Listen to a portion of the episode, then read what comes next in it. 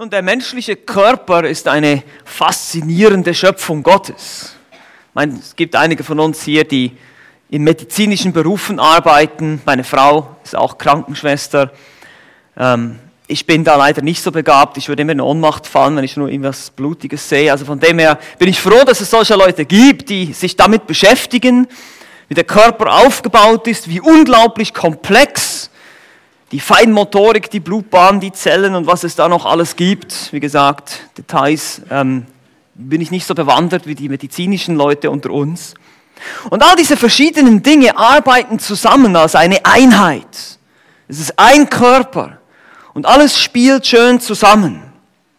Und wenn der Körper zerteilt wird, ja, wenn wir eine, eine Hand verlieren zum Beispiel, dann ist diese Hand, wenn die alleine irgendwo liegt, völlig wirkungslos und funktionslos. Und auch der Körper, der die Hand verloren hat, ist irgendwie eingeschränkt in seiner Funktion. Und so ist es auch im geistlichen Leib. Ja, Paulus vergleicht die Gemeinde Jesu Christi mit einem Leib, mit vielen verschiedenen Gliedern, die aber zusammen eine Einheit bilden. Die Gemeinde Jesu Christi. Und jedes einzelne Glied ist notwendig keiner kann sagen, ich werde nicht gebraucht und keiner kann sagen, ich brauche die anderen nicht. Und das ist genau sein Argument in dem Abschnitt, den wir heute beginnen, den Paulus den Korinthern deutlich macht. Und warum erinnert der Paulus die Korinther an diese Dinge? Nun, die korinthische Gemeinde war alles andere als in Einheit, in einer Gesinnung, in Harmonie miteinander. Sie war das pure Gegenteil. Die waren zerstritten, die waren zerspalten. Wir können uns erinnern, es gab Parteiungen in der Gemeinde, es gab Personenkulte, die einen hingen dem Paulus an, die anderen hingen dem Kephas an und so gab es verschiedene Parteiungen und Diskussionen.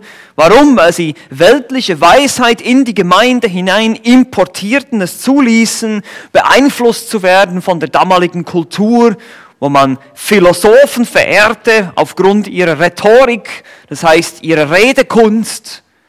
Und deshalb haben die einen gesagt, na der Paulus, der ist nicht so der wunderbare Superredner. Petrus war schon besser oder Apollos war vor allem viel besser.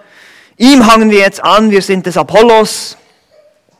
Und so wird gestritten aufgrund von selbst gebastelter Weisheit, die nicht von oben kommt, sondern von unten, von Menschen. Und so resultierte das in Quengeleien und Streitereien in der Gemeinde.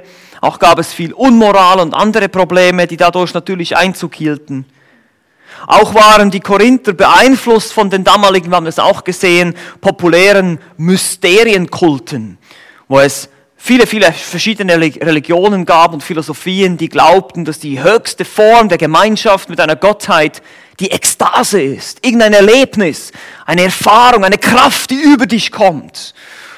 Und dadurch bist du dann in Gemeinschaft mit dieser Gottheit. Und Paulus ermahnt sie auch hier, die Geister zu prüfen und zu unterscheiden, dass nicht einfach jede Kraftwirkung, die irgendwie daherkommt, einfach so vom Heiligen Geist ist. Es kam zum Missbrauch der Geistesgaben oder auch zur Duldung von Fälschungen in der Gemeinde. Dämonische Wirkungen, die sich sozusagen als Gaben des Geistes tarnten und so ihren Einfluss nahmen in, in die Gemeinde. Paulus warnt im Kapitel 12, Vers 3, dass keiner im Geist Gottes sagt, dass Jesus verflucht ist. Sie sollen unterscheiden, sie sollen die Theologie prüfen, dieser Geistwirkungen. Was verkündigt dieser Geist? Verkündigt er eine gesunde Lehre oder etwas, was nicht stimmt, was nicht, was nicht schriftgemäß ist? Und danach beginnt er sie zu belehren und zeigt ihnen auf, dass es eine Vielfalt von Gaben gibt in der Gemeinde und dass deswegen auch kein Streit entstehen muss. Aber wir haben gesehen, dass die Korinther auch offenbar eine Vorliebe haben für ganz bestimmte Gaben. Vor allem für die damalige Sprachenrede, die heutzutage manchmal auch mit Zungenrede übersetzt wird, fälschlicherweise. Aber es war nicht Sprachenrede. Warum? Weil sie eben so die Rhetorik und die Redekunst verehrten, ist es eigentlich ganz klar, dass das Sprachenreden offenbar hoch im Kurs war. Und so gab es solche, die sich damit aufblähten und dachten, ich bin irgendwas Besseres, wenn ich Sprachen reden kann als alle anderen. Und Paulus wird das auch im Laufe der Zeit korrigieren, aber hier im Kapitel 12 geht er erstmal auf die Grundsätze ein. Es sind viele Gaben, aber es ist ein Gott, von dem sie alle kommen. Es ist eine Quelle. Der dreieinige Gott, wir haben das gesehen in Versen 4 bis 7. Verschiedenheiten, aber derselbe Geist, derselbe Herr, derselbe Gott. Es ist nur eine Quelle, aus der ihr alle schöpft. Also ihr könnt euch nicht der eine gegen den anderen aufblähen, weil ihr, ihr zapft beiden sozusagen dieselbe Quelle an. Ihr, ihr seid beide von derselben Kraftquelle abhängig. Und dann haben wir gesehen, dass er diese verschiedenen Gaben als Beispiele brachte. Wir haben uns letztes Mal damit beschäftigt, mit dem Wort der Weisheit, Wort der Erkenntnis, dem Glauben und den Gnadengaben der Heilungen, dass mehrere verschiedene Gaben waren, auch Wunderwirkungen. Diese Gaben, die damals noch in Wirkung waren, die heute teilweise aufgehört haben. Wie gesagt, zu dem Thema werden wir noch kommen. Wir glauben, dass es gewisse Zeichen und Wundergaben gibt, die aufgehört haben, aber damals waren die offenbar noch am Wirken in der Zeit. Und Paulus nimmt diese einfach raus als Beispiele und zeigt auf, schaut, der eine tut das, der andere tut das, aber doch alles in demselben Geist. Und jetzt steigt er in einen längeren Abschnitt ein, hier im Kapitel 12, die Verse 12 bis 31, wo er das Thema die Einheit und Vielfalt noch mehr entfaltet. Der Gedanke sozusagen aus Versen 4 bis 11 wird weiter entfaltet.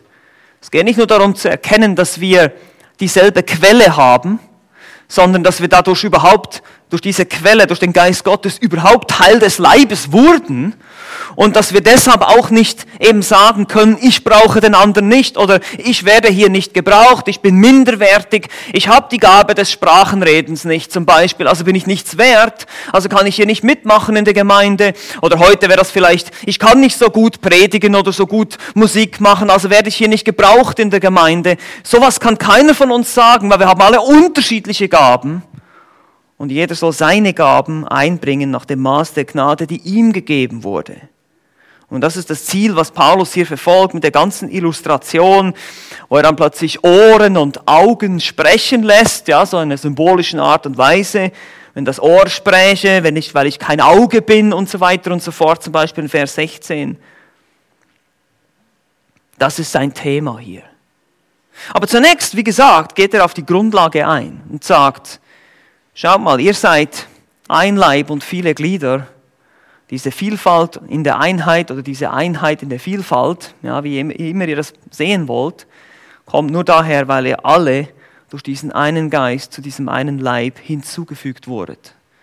Er geht hier ganz zurück zur Errettung und sagt, ihr seid alle durch diesen einen Geist gerettet worden. Und deshalb kann sich nicht der eine gegen den anderen aufblähen. Es soll zur Einheit führen. Und erst diese, diese einheitliche Zusammenarbeit, und das sehen wir dann gegen Ende, okay, ab Vers äh, 27 und 28, wird dann eine, eine einheitliche Wirkung erzielen, also die Gemeinde dann zusammenarbeitet. Es sind eben nicht alle Apostel, sind nicht alle Propheten, sind nicht alle Lehrer, sind nicht alle, sondern alle helfen einander. Und das ist sein Ziel. Er möchte die Gemeinde in Korinth wieder vereinen, auch in diesem Bereich. Lasst uns jetzt unseren heutigen Predigtext lesen. Und das sind nur zwei Verse in Kapitel 12, mittendrin. 1. Korinther Kapitel 12, die Verse 12 und 13 haben wir heute. Wie gesagt, er kommt hier zum Ende mit diesem Argument, wo er zeigt, dass es diese verschiedenen Gaben gibt und dass dies alles durch den einen Geist ausgeteilt wird, wie er will, in Vers 11. Und jetzt kommen diese beiden Aussagen hier in Vers 12 und 13. Denn so wie der Leib einer ist und viele Glieder hat, alle Glieder des Leibes aber, obgleich viele ein Leib sind, so auch der Christus. Denn auch in einem Geist sind wir alle zu einem Leib getauft worden. Es seien Juden oder Griechen, es seien Sklaven oder Freie, und sind alle mit einem Geist getränkt worden. Bis hierher. Paulus gibt uns hier vier Aspekte der Einheit des Geistes, die uns helfen, besser als Leib zusammenzuarbeiten.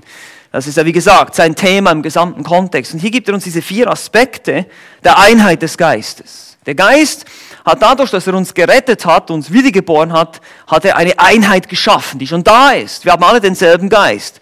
Wir haben alle dasselbe Denken eigentlich. Das macht Paulus schon, schon viel früher klar im Korintherbrief, wo er im 1. Korinther Kapitel 2 äh, und Vers 16 sagt, dass wir alle Christi Sinn haben. Das ist das, was er damit meint. Also wir sind alle irgendwie eins geworden durch unsere Errettung, als wir Christen wurden. Und wir haben vier Aspekte, vier ähm, Elemente hier dieser Einheit, die er uns einfach deutlich macht. Und wir wollen die uns jetzt gemeinsam anschauen. Der erste Aspekt dieser Einheit des Geistes ist, Einheit schließt Vielseitigkeit nicht aus. Das ist Vers 12, der Anfang. Hier heißt es, denn so wie der Leib einer ist und viele Glieder hat. Einheit schließt Vielseitigkeit nicht aus. Paulus bedient sich, wie gesagt, hier nun einem Bild. Er beginnt mit, diesem, mit dieser Idee, dass der Leib viele Glieder hat. Später in den Versen 14 und folgende wird er das noch viel ähm, ausführlicher damit eben den einzelnen Körperteilen ausführen, was er meint damit. Und er bezeichnet die Gemeinde als einen Körper, einen funktionierenden Leib, wo die einzelnen Teile alle zusammenarbeiten. Der Leib ist mehr als nur die Summe seiner Teile, sondern die müssen alle zusammenarbeiten. Und Gelehrte denken, dass Paulus dieses Bild womöglich aus dem sogenannten Äskulapkult, Asklepios, eine Gottheit, ein griechischer Gott der Heilkunst, der verehrt wurde damals, man hat unzählige Tonfiguren ausgegraben, das ist ganz interessant, äh, wo die Leute tatsächlich ähm, Nachbildungen von Körperteilen diesem Gottheit gebracht haben, sozusagen als Dankopfer. Und, all, und Paulus sah wohl all diese abgetrennten Körperteile im, im Esculap-Tempel und hat gedacht, so sollte die Gemeinde nicht sein. Ein solches Bild mit diesen Einzelteilen sollte sie nicht darstellen, sondern ihr gehört alle zusammen. Eine andere Möglichkeit, woher das Bild haben könnte, ist ein bestimmter römischer Beamte, ein Agrippa Menenius Lanatus, der dieses Bild etwa 400 Jahre zuvor benutzte, um einen gut funktionierenden Staat darzustellen. Ja, wenn die, denn die Hände den Bauch nicht füttern und der Mund oder die Zähne das Essen verweigern, dann werden sie am Ende auch sterben. So hat er sozusagen die Zusammenarbeit zwischen der Arbeiterklasse und der Regierung äh, illustriert. Wo immer er das Bild her hatte, und das ist ein Bild, das wir auch alle heute verstehen, es war den Korinthern wohl bekannt in ihrer Kultur. Sie wussten, was er damit meint, wenn er von einem Leib spricht mit vielen Gliedern, die zusammenarbeiten. Es war den Korinthern damals bekannt und es ist uns heute bekannt. Der Körper funktioniert nur, wenn alle Teile zusammenarbeiten. Abgetrennt sind die Körperteile funktionslos. Oder der Körper selber wird eingeschränkt, wenn er Körperteile verliert. Und genauso wie es in einem Körper unterschiedliche und viele Glieder gibt, so ist es auch in der Gemeinde der Fall. Es gibt unterschiedlich begabte Glieder. Das bedeutet aber nicht automatisch, dass der eine oder andere nicht zum Leib gehört. Also, Einheit schließt Vielseitigkeit nicht aus. Was lernen wir hier schon mal als kleines, kleine Anwendung für uns jetzt heute? Einmal mehr betont Paulus einen wichtigen Punkt. Einheit bedeutet nicht Gleichförmigkeit. Das ist einfach so wichtig zu verstehen. Wir haben, ich habe das letztes Mal schon angesprochen, aber ich möchte das nochmal betonen. Paulus betont das nämlich auch immer wieder. Nach Einheit streben heißt nicht nach Gleichförmigkeit streben. Dass wir alle das Gleiche tun müssen, in der gleichen Art und Weise. Dass wir eben alle gleich begabt sind. Man kann auf verschiedene Art und Weisen evangelisieren. Und es gibt verschiedene Arten und Weisen, wie man Dienste tun kann. Und doch tun wir sie alle. Die Gemeinde soll diese Dienste tun. Aber diese Einheit besteht nicht in Gleichförmigkeit, sondern in der Wahrheit. Und wir noch sehen, der Geist selber öffnet uns die Augen für diese Wahrheit, eben auch nicht in einer Ökumene voller Kompromisse und lehrmäßigen Kompromissen, sondern sie besteht in der Wahrheit, diese Einheit. Also wir sollen hier nicht gleichförmig werden und Paulus will es auch deutlich machen. Und zweitens, eine zweite Lektion hier, Einheit bedeutet auch nicht gleiche Meinung in allem. Ist euch das schon mal aufgefallen? Obwohl wir alle Christen sind, kann es durchaus sein, dass wir unterschiedliche Meinungen haben manchmal. Und man denkt dann gleich, oh, wie kann das sein? Kriegt dann vielleicht gleich Panik, oh, wir haben keine Einheit mehr. Ja, das kommt immer darauf an, in welchem Bereich das ist. Wir können unterschiedliche Meinungen haben in Bereichen des Lebens, der Politik vielleicht, der Organisation und Administration, wie bestimmte Dinge gemacht werden. Kann sehr unterschiedlich sein. Es gibt auch nicht nur eine, einen Weg. Wir haben viele Freiheiten, Dinge zu tun. Es ist nicht alles festgelegt. Die Bibel gibt uns Prinzipien an die Hand, nach denen wir leben sollen. Eine Einstellung, eine Herzenshaltung. Aber es muss nicht alles sozusagen nach Handbuch laufen, wenn man das mal so ausdrücken darf. Außer man meint die Bibel jetzt als Handbuch, dann schon. Ja. Aber es ist oft so, dass wir dann immer so denken, ja, der andere muss es genau gleich machen wie ich. Lass uns hier diese Lektion lernen. Einheit bedeutet nicht, dass wir immer in allem die gleiche Meinung, sondern wir haben eine gleiche Gesinnung. Wir streben alle nach demselben Ziel. Wir, wir streben alle nach Christus, nach seiner Ehre. Aber das wird auf unterschiedliche Weise getan. Da gibt es gewisse Freiheiten. Also Einheit schließt Vielseitigkeit nicht aus. Das Erste, was Paulus hier deutlich macht. Das Zweite ist, Vielseitigkeit schließt Einheit nicht aus. Ja, genau das Umgekehrte ist auch der Fall.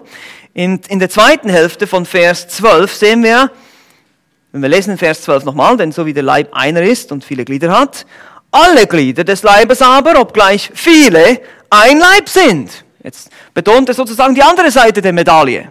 Vorher hat er zunächst von dem gesprochen, jetzt von der anderen Seite. Vielseitigkeit schließt Einheit nicht aus. Er macht den umgekehrten Punkt hier, Paulus. Obwohl es so viele unterschiedliche Glieder gibt an einem Leib, bedeutet das nicht, dass man keine Einheit haben kann untereinander. Der Leib Christi hier ist auch der universale Leib. Das ist vielleicht wichtig zu betonen hier, was Paulus hier beschreibt, ist es nicht nur die lokale Gemeinde in Korinth, sondern er spricht, er weitet das jetzt hier aus auf den universalen Leib, weil wir sehen nämlich dann auch in Vers 13, dass wir alle durch einen Geist zu einem Leib getauft sind. Und das ist eine allgemeine Aussage, die alle Christen betrifft. Das ist der universale Leib hier, der weltweite, die weltweite Gemeinde Christi. Das gilt für alle Christen, weltweit und für alle Zeitalter.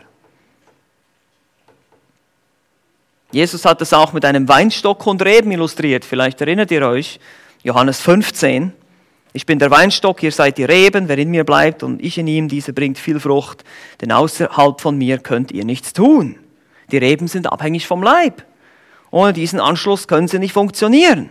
Sie sind alle unterschiedlich, vielseitig. Und doch gehören sie alle zum selben Leib. Also, das ist das Zweite, was Paulus hier deutlich macht, diese Vielseitigkeit, die die Einheit nicht ausschließt. Also, dass wir trotzdem, trotz dieser Vielseitigkeit eben Einheit haben können, weil die Einheit schon da ist, weil sie schon geschaffen wurde. Wir werden gleich sehen in Vers 13, durch die Errettung. Also, hier nochmal ein paar Gedanken dazu, die uns einfach helfen, auch besser zusammen zu funktionieren als Leib Christi. Vielseitigkeit oder Verschiedenheit bedeutet nicht, dass wir keine Einheit haben. Eben gerade wenn das geschieht, wenn es Meinungsverschiedenheiten gibt in bestimmten Bereichen, dann heißt das nicht, dass wir das deshalb keine Einheit haben untereinander. Sondern wir sollen natürlich dann nach der Einheit streben und nach der Einheit handeln, dass wir zum Beispiel eine gute Lösung finden oder halt den einen die Sachen so machen lässt, wie er das tut, sofern also Freiheit besteht und es keine biblischen Gebote gibt und Freiheit da ist. Also wir müssen nicht immer alles gleich so deuten, dass wir denken, uh, jetzt haben wir keine Einheit mehr. Es gibt Prediger, die haben unterschiedliche Predigtstile, es gibt unterschiedliche Meinungen, Vorgehensweisen bei Projekten, vielleicht sogar verschiedene Vorgehensweisen bei der Seelsorge. Die Einheit ist aber eine geistliche Einheit, eben nicht eine äußerliche. Und sogar, wenn wir uns vergleichen mit anderen Gemeinden, ich meine, wir können, ich habe schon gesagt, das ist der universale Leib hier. Andere Gemeinden, die ebenfalls natürlich bibeltreu sind, die machen auch nicht alles gleich wie wir. Ja. Es kann sein, dass es sogar in verschiedenen Denominationen unterschiedliche Meinungen gibt zu Sichtweisen, die zweitrangige Themen sind haben wir schon über das Kopftuch gesprochen oder über die Musikstile oder solche Dinge. Und doch sind sie in den essentiellen Lehren alle, sind wir uns alle einig. Wenn wir den Heiligen Geist haben und das Wort Gottes lesen, dann kommen wir in den essentiellen, in den, in den primären, den wichtigen Lehren, den heilsnotwendigen Lehren, kommen wir alle zum selben Schluss. Aber vielleicht gibt es Gemeinden, die anders evangelisieren, andere Veranstaltungen haben oder das ist, da, da gibt es Freiheiten. Solange sie sich auf die Bibel gründen und die Lehren vertreten, dass Jesus Christus der Retter ist, seine Lösungswerk, seine Person, unsere Sünde, unsere Bedürftigkeit nach Errettung und so weiter, die essentiellen Lehren, die auch Johannes in seinem ersten Johannesbrief deutlich macht. Es soll Christus verherrlichen. Also diese Vielseitigkeit und Verschiedenheit bedeutet nicht, dass wir keine Einheit haben. Und zweitens, die zweite Anwendung hier, die Wichtigkeit und Priorität der Gemeinde wird uns hier deutlich gemacht in diesem Vers. Wie gesagt, als weltweite Gemeinde und auch als lokale Gemeinde werden wir hier eine bestimmte Verantwortung gestellt. Christus ist untrennbar und sehr innig existiert er in dieser Welt durch seine Gemeinde. Er lebt durch seine Gemeinde. Seht ihr das hier in Vers 12 am Ende? Wir sind, der Leib ist einer, es sind viele Glieder, und alle Glieder, obwohl sie viele sind, ein Leib, so auch der Christus. Also das ist, da ist eine innige Einheit zwischen Christus und seinem Leib, seiner Gemeinde. Christus existiert und lebt und wirkt durch seine Gemeinde in der Welt. Könnte man sagen, so ein verlängerter Arm vielleicht, müsste man sich vorstellen. Ohne Gemeinde läuft nichts. Gemeinde ist Gottes Programm für die jetzige Zeit. Ihr seht einmal mehr die Wichtigkeit und die Priorität der Gemeinde Jesu in Gottes Plan. Es ist der Leib Christi. Christus existiert im Moment hier durch uns in dieser Welt. Er hat uns seinen Geist gegeben, hat uns nicht alleine gelassen und will, dass wir jetzt seine Zeugen sein. Das, das gibt eine bestimmte Verantwortung, legt es auf uns hier als Gemeinde. Wie wir leben, was wir tun, was wir sagen, wie wir uns gegenüber der Außenwelt verhalten. Das ist sein Ziel. Und ihr seht einmal mehr die Unsinnigkeit, von Leuten, die sagen, sie sind Christen, aber sie wollen sich keiner Gemeinde anschließen, sie wollen nicht Teil des Leibes sein, auch lokal nicht.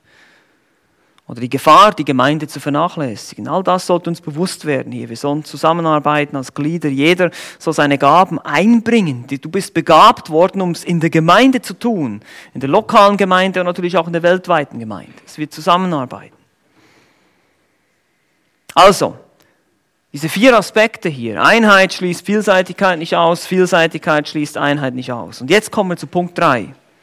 Der Ursprung der Einheit. Woher kommt es eigentlich? Paulus. Ja, könnte jetzt jemand fragen. Sagen, wie begründest du denn das? Nun, hier kommt die Begründung in Vers 13. Denn auch in, oder besser durch, einen Geist sind wir alle zu einem Leib getauft worden. Es seien Juden oder Griechen, es seien Sklaven oder Freie. Bis hierher erstmal. Der Ursprung der Einheit. Wir sind alle durch einen Geist in einen Leib hinein, wörtlich im Griechischen, getauft. Das ist eher eine Richtung da. Durch einen Geist, durch den Geist, also mittels des Geistes, in den Leib hinein getauft. Das hat damit zu tun, dass die griechische Präposition in auf unterschiedliche Art und Weise verstanden werden kann. Deshalb gibt es einige Übersetzungen, die hier in einem Geist haben. Aber besser ist hier durch einen Geist zu übersetzen, also instrumental. Der Geist ist das Mittel hier. Das Mittel, das benutzt wurde, sage ich mal so, salopp, um uns zu taufen. Indem wir zu einem Leib oder in einen Leib hinein getauft werden. Hier wird ein anderes in verwendet, eine andere Präposition als das in. Das erste in, es sind zwei ins hier in diesem Vers. Das eine ist, bedeutet mit dem Geist, also mit einem Mittel, und das andere dann in den Leib hinein, also Richtung. Das ist eine Richtung, die gegangen wird. Und der Täufer hier ist Christus. Er tauft mit dem Geist. Das sehen wir zum Beispiel bei dem Täufer Johannes, wenn er das erklärt in Matthäus 3, Vers 11. Da heißt es, er wird euch mit dem Geist taufen. Das Wort getauft hier ist nicht die Wassertaufe, da wir durch den Geist getauft werden, also nicht in den Geist hineingetauft, sondern mit dem Geist als Mittel. Auch ist das Wort hier passiv, also das Verb. Wir werden getauft. Das ist nicht etwas, was ich selber mache, sondern wir werden. Und es ist auch Vergangenheitsform wir wurden getauft. Also passiv, es wurde an mir gehandelt oder an uns gehandelt. Nicht wir haben das irgendwie selber erwirkt, sondern es wurde an uns gehandelt. Und das nimmt ganz klar Bezug auf die Bekehrung von jemandem. Das ist ganz wichtig zu verstehen. Die Geistestaufe ist nicht irgendwie eine, eine zweite Erfahrung, wir gehen gleich noch ein bisschen mehr drauf ein, irgendeine zweite Segnung in deinem Leben, wo du dann eben heiliger wirst dadurch und vollkommen, sondern es bezieht sich hier ganz klar in diesem Vers auf die Bekehrung. Wir werden zu diesem einen Leib, den ich vorhin gerade gezeigt habe, dass es der weltweite Leib Christi ist, hinzugefügt. Das ist die Idee. Durch diese Taufe. Und deshalb ist das Wort Taufe hier nicht die Wassertaufe, sondern wieder die, dieser Gedanke der Identifikation, wenn wir schon im Kapitel 10 gesehen haben, bei Mose. Die Israeliten wurden auf Mose getauft, heißt es da. Die wurden mit ihm identifiziert, er war ihr Leiter. Und so werden wir jetzt in den Leib hineingefügt. Wir gehören jetzt dazu, es geht um Dazugehörigkeit. Diesem universalen Leib Christi. Das Wort Taufen hat eine allgemeine Bedeutung. Wir können es hier so verstehen. Zum Beispiel in Galater 3,27 wird es auch so verstanden. So viele ihr auf Christus getauft worden seid, ihr habt Christus angezogen. Und dann die Ausdrucksweise hier in Vers 13, es seien Juden oder Griechen oder Sklaven oder Freie, das macht einmal mehr deutlich, dass es eben um alle Menschen geht hier. Alle möglichen verschiedenen Klassen von Menschen. Es seien Juden oder Griechen, Damals gab es vor allem, kannte man ja, oder man kennt ja in der Schrift vor allem diese zwei Kategorien. Das Volk Israel und die Griechen stehen einfach für die Heiden. Oder Sklaven oder Freie. Ihr wisst gerade, bei den Korinthern gab es da auch äh, Quengeleien in Kapitel 7 wegen dem ganzen sozialen Status. Und Paulus betont das hier. Egal aus welchem Bereich du kommst, ob du Sklave bist oder Freie bist oder ob du Jude bist oder Grieche bist, du wirst durch diesen einen Geist wurdest du in den einen Leib getauft. Also ganz klar, auch hier im Kontext, ist die Rettung. Die Geistestaufe ist die Rettung, die Wiedergeburt. Der Punkt ist, jeder wahre Christ wurde bei seiner Bekehrung mit dem Geist getauft. Ich muss das einfach deutlich sagen, weil das ist etwas, was eben in manchen Kreisen anders gelehrt wird. Und zwar geschah das durch Christus, so wie er das versprochen hatte. Auch in Johannes 7, 39 sagte das. Und es erfüllte sich dann an Pfingsten. Apostelgeschichte 2 geschah das, das zum ersten Mal. Wie gesagt, jetzt müssen wir hier einen kleinen Abstecher machen zu diesem Thema, die zweite Segnung. Ähm, einfach weil das ein Vers ist, ein ganz, ganz zentraler Vers zu diesem Thema. Ähm, in der charismatischen Bewegung, pfingstcharismatischen Bewegung gibt es einige Teile. Heute lehrt das nicht mehr jeder, aber einige haben das gelehrt, in der Vergangenheit vor allem, dass es eine zweite Erfahrung gibt mit dem Heiligen Geist, die man machen kann. Nach der Errettung. Nachdem man zum Glauben gekommen ist, ist man ein Christ und dann kann man noch so eine zweite Erfahrung machen. Die wird eben auch Taufe mit dem Heiligen Geist genannt. Teilweise auch Erfüllung mit dem Heiligen Geist wird sie genannt. Und die Folge davon ist dann immer das sogenannte Zungenreden. Eben dieses Reden in diesen unverständlichen Lauten. Und grundsätzlich wird für diese Lehre vor allem Apostelgeschichte Kapitel 2 herangezogen. Apostelgeschichte Kapitel 2, vielleicht könnt ihr das mal kurz aufschlagen. Es gibt natürlich noch andere Stellen, aber ich möchte vor allem diese beleuchten, weil die wird vor allem herangezogen bei dem Thema. Hier wird gesagt, Apostelgeschichte Kapitel 2, ab Vers 1 bis 4 heißt es, und wir kennen die Stelle, das ist Pfingsten, als der Tag der Pfingsten erfüllt wurde, waren sie alle an einem Ort beisammen und plötzlich kam aus dem Himmel ein Brausen, wie von einem daherfahrenden gewaltigen Wind und erfüllte das ganze Haus, wo sie saßen. Und es erschienen zerteilte Zungen wie von Feuer, und sie setzten sich auf jeden einzelnen von ihnen. Und sie wurden alle mit Heiligen Geist erfüllt und fingen an, in anderen Sprachen zu reden, wie der Geist ihnen gab, auszusprechen. Und wir haben das ja schon ähm, behandelt, dass diese Sprachen eben wirklich Sprachen waren.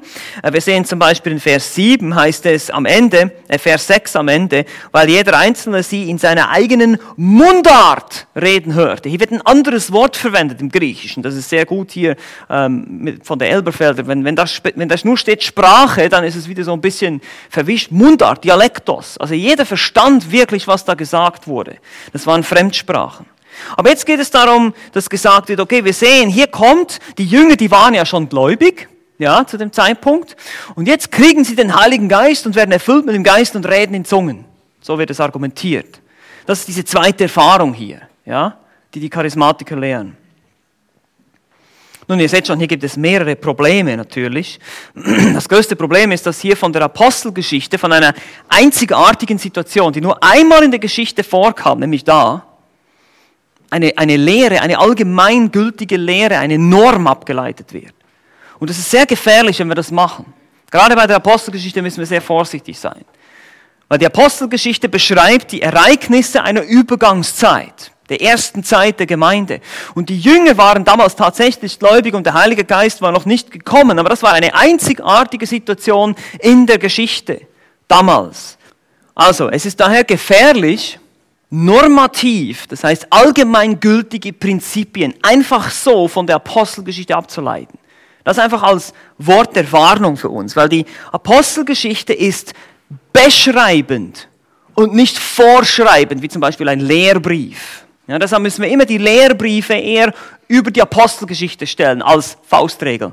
Bitte äh, nagelt mich hier nicht fest an dem. Die Apostelgeschichte ist genauso inspiriert wie die Lehrbriefe, ich meine das nicht. Aber wenn es um die Auslegung geht, weil wir sehen in der Apostelgeschichte Dinge, die nur einmalig geschehen sind, die sich nicht wiederholen.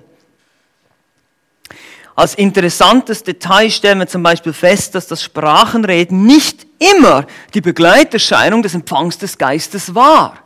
Diese, dieses Sprachenreden. Apostelgeschichte 8, Vers 17 empfangen Samariter den Heiligen Geist durch die Handauflegung der Apostel und es ist kein Sprachenreden.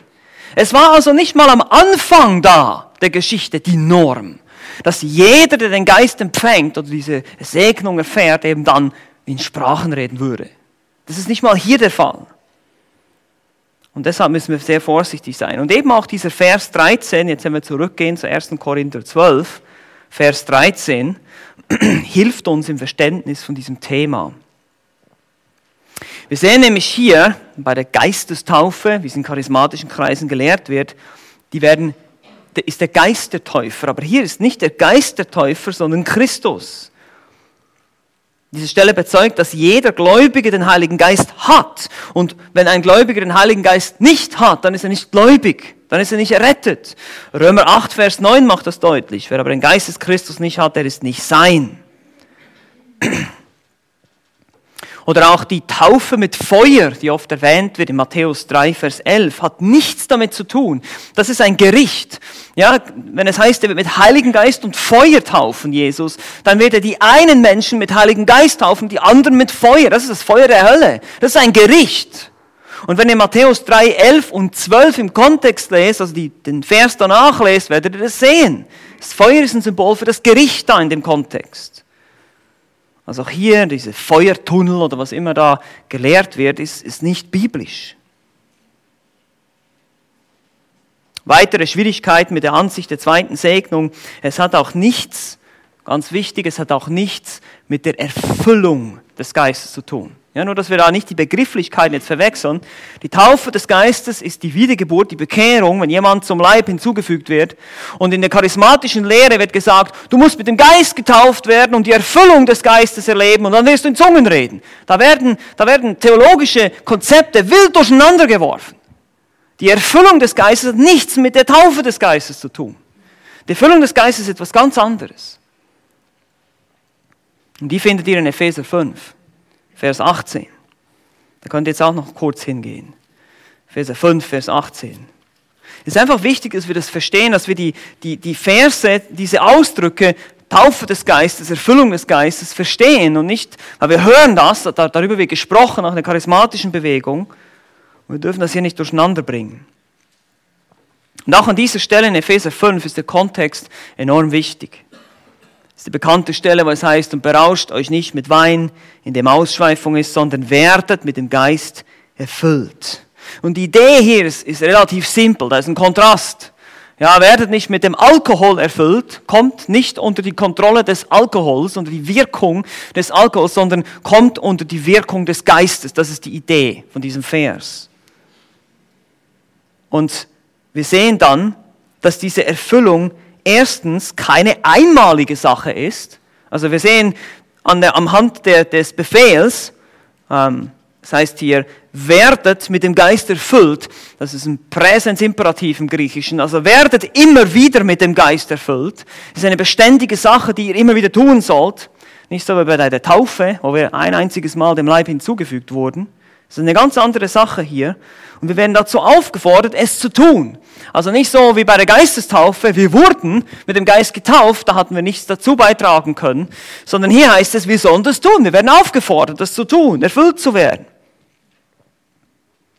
Und die Konsequenzen ist kein Sprachenreden hier, kein Zungenreden. sehen wir hier nicht. Seht ihr das, wenn ihr weiterlest? Und die Elbefelder bringt das hier auch sehr schön zum Ausdruck. Das sind Partizipien, die sind grammatisch mit dem Vers 18 verknüpft. Das ist eine Folge davon, sondern werde mit dem Geist erfüllt, redend zueinander im Psalmen und Lobliedern, danksagend alle Zeit, einander untergeordnet in der Furcht Christi. Das ist die Wirkung des Geistes. Wir reden gesunde Lehre, wir sie werden dankbar, wir, sind, wir ordnen uns einander unter. Das sind die Folge der Erfüllung des Geistes. Und wenn ihr wissen wollt, wie ihr mit dem Geist erfüllt werdet, dann müsst ihr in die parallele Epistel gehen, in den Kolosserbrief, ein paar Seiten weiter, Philipper, Kolosser 3, Vers 16, da seht ihr die, die Folge der Erfüllung nicht des Geistes, sondern des Wortes. Hier heißt es in Vers 16, Kolosser 3, Vers 16, lasst das Wort des Christus reichlich in euch wohnen. Und das Folge davon ist auch, das Singen oder das Lehren, einander ermahnen mit Psalmen, Lobliedern, geistlichen Liedern und auch die gegenseitige Unterordnung und all diese Dinge. Also auch hier, wir, uns, wir sollen uns unter das Wirken des Geistes begeben. Das heißt, wir sollen uns unter das Wirken des Wortes begeben. Hier, der Schrift. Das ist die Idee. Geist erfüllt sein ist gleich Wort erfüllt sein. Merkt euch das. Geist erfüllt sein ist gleich Wort erfüllt sein. Wenn ihr unter das Wirken des Heiligen Geistes kommen wollt, wenn ihr wirklich Geist erfüllt sein wollt, dann müssten wir, müssen wir die Bibel lesen, die Bibel glauben, der Bibel gehorchen. Es ist nicht so schwer zu verstehen. Schwer zu praktizieren manchmal, das weiß ich. Aber es ist nicht so schwer zu verstehen, da ist nichts Mystisches dahinter. Das ist nicht irgendwie so eine Erfahrung, die ihr macht und dann plötzlich fühlt ihr euch heilig und Nein, das ist nicht die Idee. Und das ist auch die Anwendung für uns, für dich heute. Wenn du ein geisterfülltes Leben führen willst, kommst du um das intensive Studium der Schrift nicht herum. Wir, können, wir werden nicht von heute auf morgen geistlich und heilig. Nein, wir können nur immer wieder das Wort Gottes aufnehmen und das verändert unser Denken, es verändert unsere gesamte Denkweise. Es muss unser ganzes Denken prägen. Das reicht nicht aus, wenn ich nur manchmal ab und zu so meinen Lieblingsvers äh, lese pro Tag oder wie auch immer. Nein, ich muss es intensiv. Ich muss mich da rein denken in die Welt der Schrift und die Denkweise, die uns da gegeben wird. Ich muss anfangen, so zu denken, wie die Bibel denkt. Das ist das Ziel. Und das ist auch das Geheimnis der Heiligung und das ist auch wahre Geisterfülltheit, wenn man wahrhaftig mit dem Geist erfüllt ist. Jetzt gehen wir mal zurück zur Taufe mit dem Heiligen Geist. Taufe, 1. Korinther 12, Vers 13, wir haben gesehen, wir sind durch einen Geist zu einem Leib getauft. Wie gesagt, Paulus spricht hier von dem Ursprung der Einheit, den die Korinther haben. Ja, sie lebten eben nicht geisterfüllt, ja, sie waren fleischlich, heißt es in 1. Korinther 3. Sie lebten nicht geisterfüllt und deshalb erlebten sie diese Einheit nicht, die sie eigentlich hätten haben sollen, weil sie alle den Geist hatten haben nicht verstanden, dass sie alle durch einen Geist zu diesem einen Leib getauft wurden, dass sie alle dieselbe, denselben Ursprung haben letztlich, diese Begabung. Es gibt, wie gesagt, keine Person, die errettet ist und den Heiligen Geist nicht hat. Das gibt es nicht. Das widerspricht eben alles dann letztlich dieser charismatischen Lehre, die zum Teil dann auch sagen, du brauchst noch den Geist. Was hätten wir denn nicht schon lange? Und das ist einfach ein Irrtum. Und Paulus' Ziel hier ist natürlich, dass er nicht will, dass eben die Korinther nicht denken, dass der eine über dem anderen steht und dass sie diese Einheit verstehen. Und der Ursprung dieser Einheit gründet sich auf ihrer Errettung. Gott hat euch gerettet. Er hat euch begnadigt. Sein Sohn ist für eure Sünden gestorben. Und ihr habt seinen Geist bekommen. Der lebt jetzt in euch. Es ist interessant, wenn man beispielsweise irgendwie in anderen Ländern im Urlaub ist oder so und Christen trifft und wenn man sich versteht, natürlich, wenn man die Sprache versteht, dann hat man irgendwo sofort eine, eine Einheit, eine Zugehörigkeit. Wir haben dieselben Wortvorstellungen, wir, wir lieben denselben Gott, wenn es wirklich wahre Christen sind natürlich. Das ist die Voraussetzung. Aber es ist interessant. Man hat sich vielleicht noch nie zuvor gesehen im Leben und doch hat man doch irgendwo so eine Verbindung zueinander. Und man weiß, wir sind alle, wir haben alle dieselbe, denselben Herrn und wir beten denselben Herrn an. Und so musste Paulus das ebenfalls betonen hier gegenüber den Korinthern, weil sie eben überheblich geworden sind und sich bereits als besser vorgekommen sind als andere Gemeinden. Sie dachten, sie seien geistlich schon angekommen, haben wir Kapitel 4 gesehen. Und er musste betonen, gleich am Anfang, wenn wir 1. Korinther Kapitel 1, Vers 2 lesen, wie er das betont, ist, dass auch die anderen an jedem Ort den Namen unseres Herrn Jesus Christus angerufen wird, dass es auch andere Gemeinden gibt, die denselben Herrn Jesus Christus anrufen und die ebenfalls dazugehören. Ihr seid ja nicht die Einzigen. Weil sie dachten, sie seien so geistlich. Ihr wurdet eben alle durch einen Geist zu einem Leib getauft. Ihr seid nicht schon irgendwie besser als andere und angekommen und was weiß ich. Nur weil ihr jetzt so viele Sprachenredner habt unter euch zum Beispiel. Und Paulus will ihnen hier eine Perspektive geben auf die weltweite Gemeinde. Will ihnen zeigen, dass sie hier nicht die einzigen sind und nicht besser sind als alle anderen. Das ist auch ein Punkt, den wir uns immer wieder mal hinter die Ohren schreiben sollten. Dass wir nicht überheblich werden, genauso wie es den Korinthern erging. Also wir haben vier Aspekte aber gesehen jetzt, oder Paulus gibt uns vier Aspekte, drei haben wir schon. Die Einheit schließt die Vielseitigkeit nicht aus, Vielseitigkeit schließt Einheit nicht aus. Der Ursprung der Einheit war eben die Taufe. Und jetzt kommt viertens noch das innere Leben der Einheit.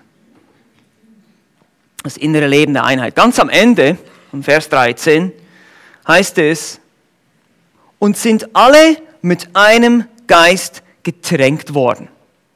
Das ist ein ganz interessanter Ausdruck hier. Wir werden nicht nur in den Geist eingetaucht oder mit dem Geist getauft, wir werden auch damit getränkt. Der Geist wird uns sozusagen zu trinken gegeben. Das ist die Bedeutung von Potizo, etwas zu trinken geben oder Gießen von Pflanzen eigentlich. Dafür wird es benutzt. Die Idee ist dieselbe. Das Wasser geht auch in uns hinein. Es ist in uns drin und es kräftigt und stärkt und erfrischt uns. Und das ist das Geheimnis einer weiteren wichtigen Wahrheit. Wir haben jetzt bereits über die Taufe mit dem Heiligen Geist gesprochen. Das ist, wie gesagt, die, das geschieht bei der Errettung. Dann haben wir über die Erfüllung mit dem Heiligen Geist gesprochen. Das ist da, wo du dich beständig mit dem Wort Gottes füllst und somit auch mit dem Wirken, dem Wirken des Geistes aussetzt, was deine Heiligung bewirkt. Aber hier kommen wir jetzt zur Innewohnung des Geistes. Der Geist wohnt in uns. Er nimmt permanent Wohnung in uns.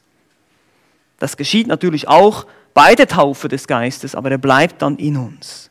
Das ist die Idee hier. Wir werden förmlich getränkt, durchdrungen mit ihm. Diese wunderbare Wahrheit lehrte unser Herr Jesus auch sehr deutlich und er verwendete ebenfalls das Bild von Wasser. Ich habe das schon erwähnt, in Johannes Kapitel 7 heißt es, wenn jemand dürstet, so komme er zu mir und trinke. Wer an mich glaubt, wie die Schrift gesagt hat, aus dessen Leib werden Ströme lebendigen Wassers fließen. Dies aber sagt er von dem Geist, den die an ihn Glaubenden empfangen sollten. Denn noch war der Geist nicht da, weil Jesus noch nicht verherrlicht worden war. Seht ihr, auch hier wird das deutlich gemacht, dass Jesus zuerst zu seinem Vater gehen würde und dann würde er den Geist senden und das geschah dann eben an Pfingsten. Einmalig. Einmal geschah das.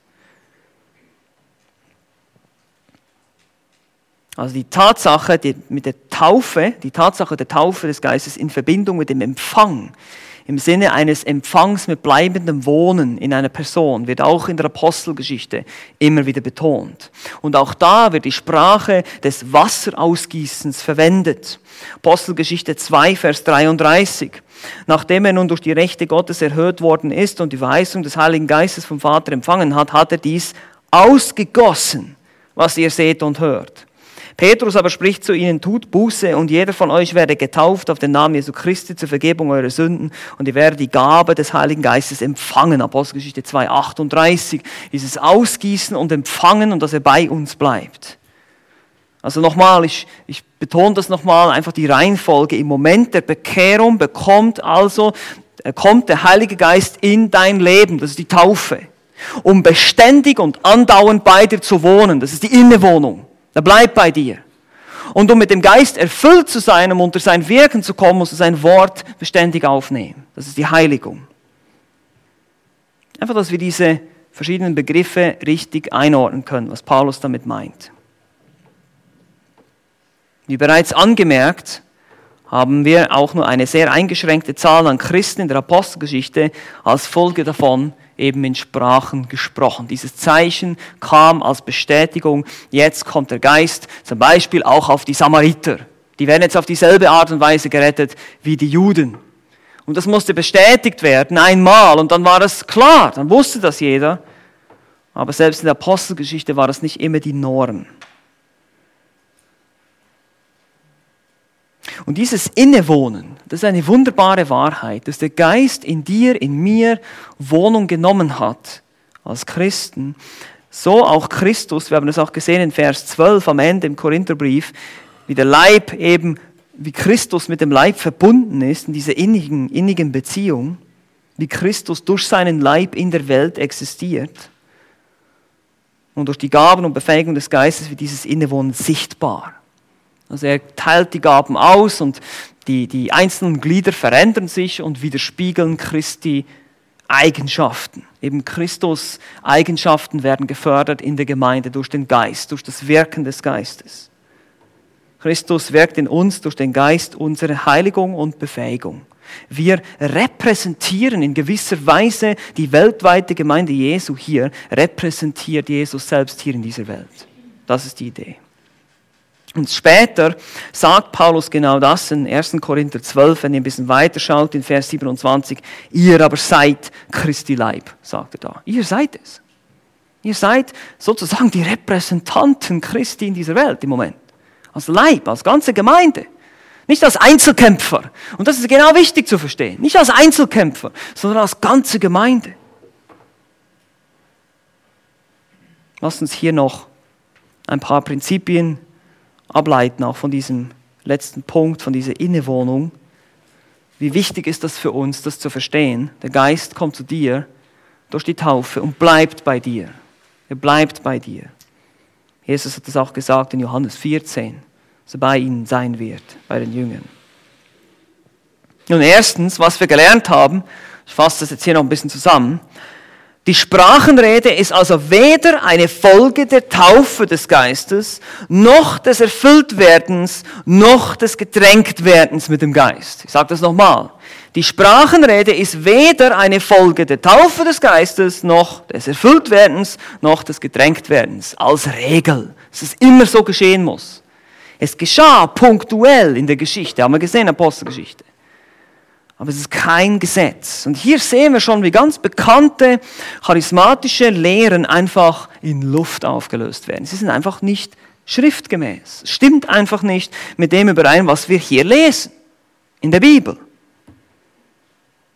Das ist mal ein wichtiger Punkt. Aber es ist nicht nur polemisch, es geht nicht nur darum, dass wir sehen, was falsch ist, sondern die Innewohnung des Geistes ist für uns noch viel, viel wichtiger als auch zur Ermutigung für uns.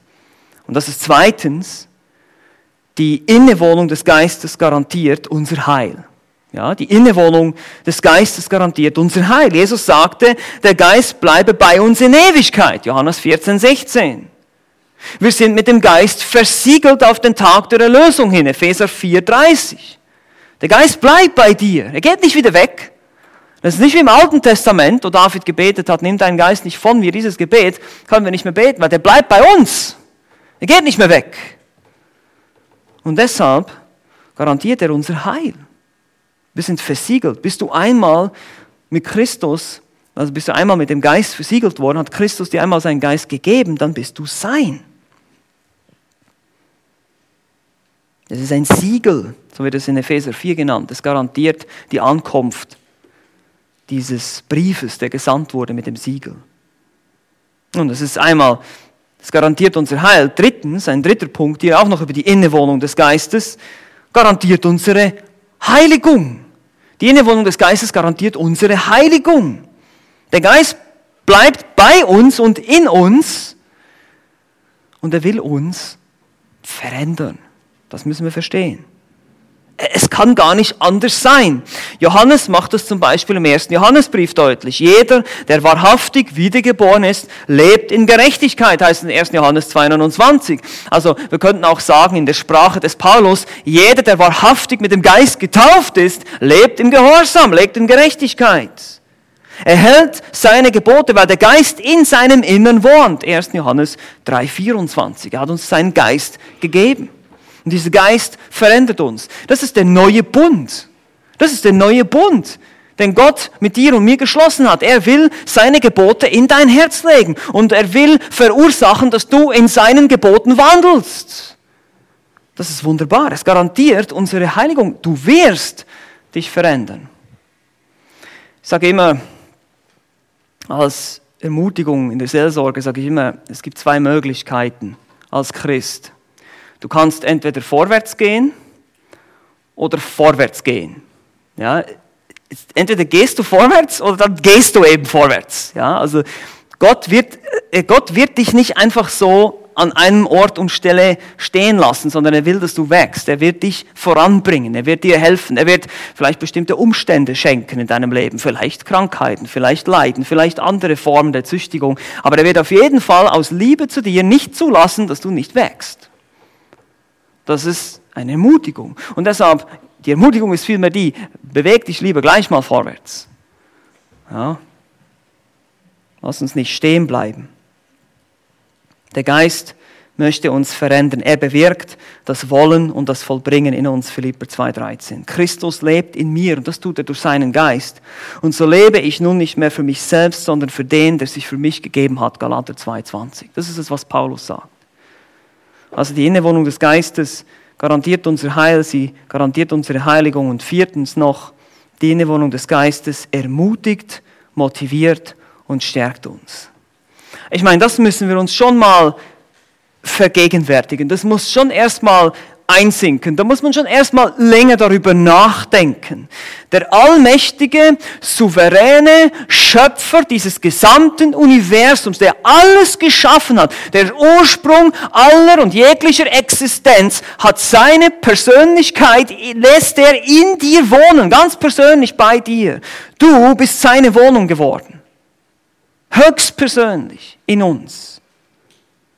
Das ist wenn das keine Ermutigung ist, ich meine, wenn das kein Ansporn ist, dann weiß ich nicht, was wir brauchen. Um wieder aufzustehen, wenn wir gesündigt haben, um weiter zu kämpfen, ja, um weiterzumachen, nicht stehen zu bleiben. Denke dran, der Heilige Geist ist genauso Gott wie Gott der Sohn und Gott der Vater. Er ist genauso Gott. Er ist genauso allmächtig, er ist genauso allgegenwärtig, er ist genauso unendlich weise, er ist genauso unendlich kräftig. Seine Kraft, seine Macht reicht aus, um dich zu verändern, um mich zu verändern. Und das müssen wir uns immer wieder vergegenwärtigen. Wenn wir vielleicht entmutigt sind, wenn wir nicht mehr aufstehen wollen, wenn wir denken, wir schaffen es nicht. Und deshalb lasst uns ermutigt sein. Wir sind ein Leib mit vielen Gliedern, unterschiedlich begabt und doch eins. Wir sind alle durch einen Geist in einen Leib hinein getauft worden und wir sind mit ihm getränkt worden. Er bleibt bei uns, er bleibt bei dir, er bleibt bei mir. Lass uns das für die nächste Zeit einfach die Ermutigung sein, auch für dich, wenn du mit deiner Sünde kämpfst, mit im Kampf stehst, deine Heiligung, all diese Dinge, die Probleme, die Schwierigkeiten, das nicht zu vergessen. Der Geist ist in mir. Ich habe die Kraft, das zu tun, was Gott von mir erwartet. Wie Paulus sagte, da wir jetzt im Geist leben, lasst uns auch im Geist wandeln. Amen. Amen. Lasst uns noch beten zusammen.